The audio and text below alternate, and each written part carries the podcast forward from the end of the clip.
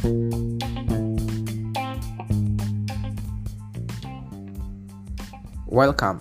2021. Selamat datang di tahun 2021. Tahun 2020 sudah kita lalui. Ada banyak cerita selama tahun 2020 dan tentunya yang paling berat adalah masa pandemik virus corona yang menyerang hampir semua negara di dunia. Tantangan demi tantangan baik sebagai bagian warga negara Indonesia maupun sebagai individu yang selalu berusaha melakukan yang terbaik untuk kehidupan yang lebih baik. Mungkin Anda salah satu yang terkena dampak dari pandemi virus corona. Bisa jadi saat ini Anda ter-PHK atau bisa jadi usaha Anda bangkrut. Kita semua shock menghadapi situasi ini. Yang terjadi sekarang bukan sekedar persoalan supply and demand yang tidak seimbang atau sekedar daya beli konsumen yang menurun, melainkan terhentinya aktivitas. Masyarakat harus stay at home sebab bahaya ya corona. Pertandingan seperti NBA, NVL, semuanya ditunda. FIFA menungga, menunda beberapa liga. Konser-konser juga dibatalkan. Olimpiade Tokyo yang dicanangkan menjadi pegelaran teknologi 5G pun dibatalkan. Akibatnya, industri travel, airlines, hotel semuanya terpukul. Kata Renal Kasali yang dikutip dari majalah Swa. Pukulan berat juga menimpa industri retail dan manufacturing. Penjualan retail menurun, sementara pabrik-pabrik dihentikan produksinya. Para ahli memperkirakan akan terjadi personal debt shock.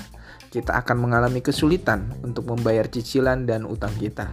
Jadi lembaga-lembaga yang memberikan pinjaman harus siap-siap mengalami ujian dan kita perlu memikirkan bagaimana cara mengatasinya.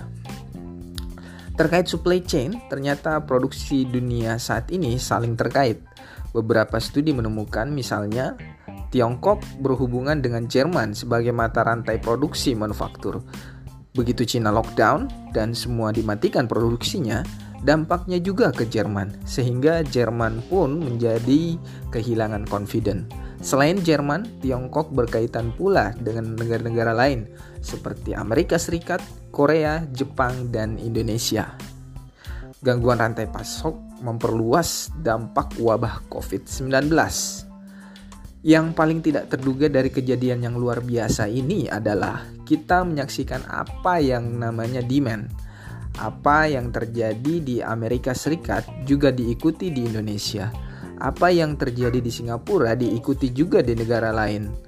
Namun kita lupa Jangan lupa bahwa semua ini akan mengakibatkan negara-negara begitu banyak stimulus. Ini mau tidak mau, jadi kalau Anda melihat ekonomi kita terganggu, ini bukan karena kita tidak bekerja dengan baik, bukan karena pemimpin kita tidak bekerja dengan baik, tetapi terjadi di semua negara pada saat yang sama. Dan 80% negara tidak siap, termasuk Amerika Serikat, Amerika Serikat sendiri Singapura juga mengalami kemunduran dan semua negara kali ini mengalami penurunan.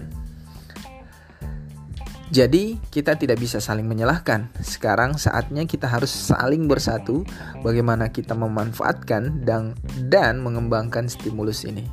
Saat ini yang dibutuhkan adalah confidence. Semua pihak harus bahu membahu di tengah suasana seperti sekarang. Pemerintah, pelaku usaha, juga masyarakat dan media harus bergerak sama-sama. Butuh kolaborasi besar-besaran untuk melalui masa penuh tantangan seperti ini.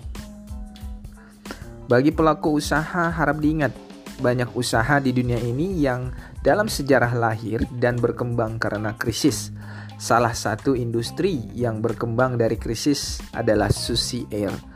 Perusahaan penerbangan milik mantan Menteri Kelautan dan Perikanan Susi Pujastuti Pesawat berbodi kecil itu awalnya bukan untuk penumpang, tetapi untuk mengangkut ikan hidup dan lobster yang mau diekspor. Namun, aksi kemanusiaan untuk Aceh selepas tsunami menyadarkan Ibu Susi bahwa pesawat kecil ini juga bisa dipakai penumpang. Sehingga lahirlah Susi Air saat itu. Krisis SARS lanjutnya lagi oleh Renald Kasali Uh, krisis SAR pada saat 2003 yang melanda beberapa negara termasuk Cina melahirkan salah satu perusahaan top 5 dunia, Alibaba. saat fenomena SARS terjadi, Alibaba mencetuskan Taobao, situs berbelanja dalam bahasa Mandarin. Taobao muncul mengantarkan bahan makanan dari rumah ke rumah saat warga Cina sulit keluar dari tempat tinggalnya akibat lockdown. Itu sebabnya Alibaba tiap tahun ada acara yang disebut Family Day atau Alibaba Day karena barang jualan pada saat itu diantar oleh keluarga murid-murid Jack Ma dari rumah ke rumah dan justru hidup dan berkembang besar karena SARS.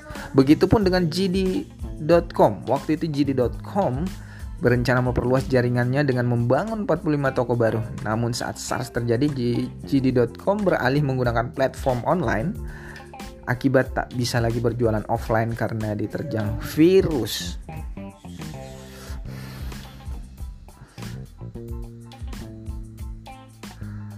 Ketika kondisi dan pola masyarakat berubah, pelaku usaha dituntut untuk berinovasi dan berkreasi mengikuti perkembangan zaman. Sebab dalam setiap krisis itu ada jendela opportunity. Ini juga ada jendela uh, opportunity yaitu menggunakan teknologi. Data mulai bisa digunakan karena itu menggunakan AI atau artificial intelligence dalam bahasa Indonesia kecerdasan buatan merupakan tuntutan dalam tuntutan dalam komunikasi dengan kedekatan mobilisasi dan orkestrasi. Demikian yang disampaikan oleh Renal Kasali yang dikutip oleh majalah SWA. Dan dari apa yang disampaikan oleh Prof. Renal Kasali bahwa kita jadi uh, mengingat kalimat uh, bahwa di setiap krisis ada sebuah opportunity. Jadi setiap krisis itu pasti ada opportunity.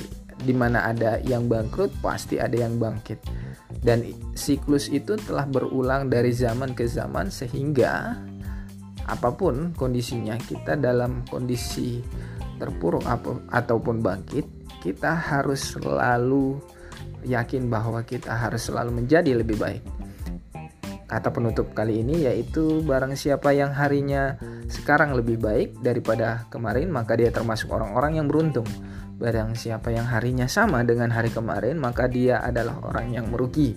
Barang siapa yang harinya sekarang lebih jelek daripada hari yang kemarin, maka dia terlaknat.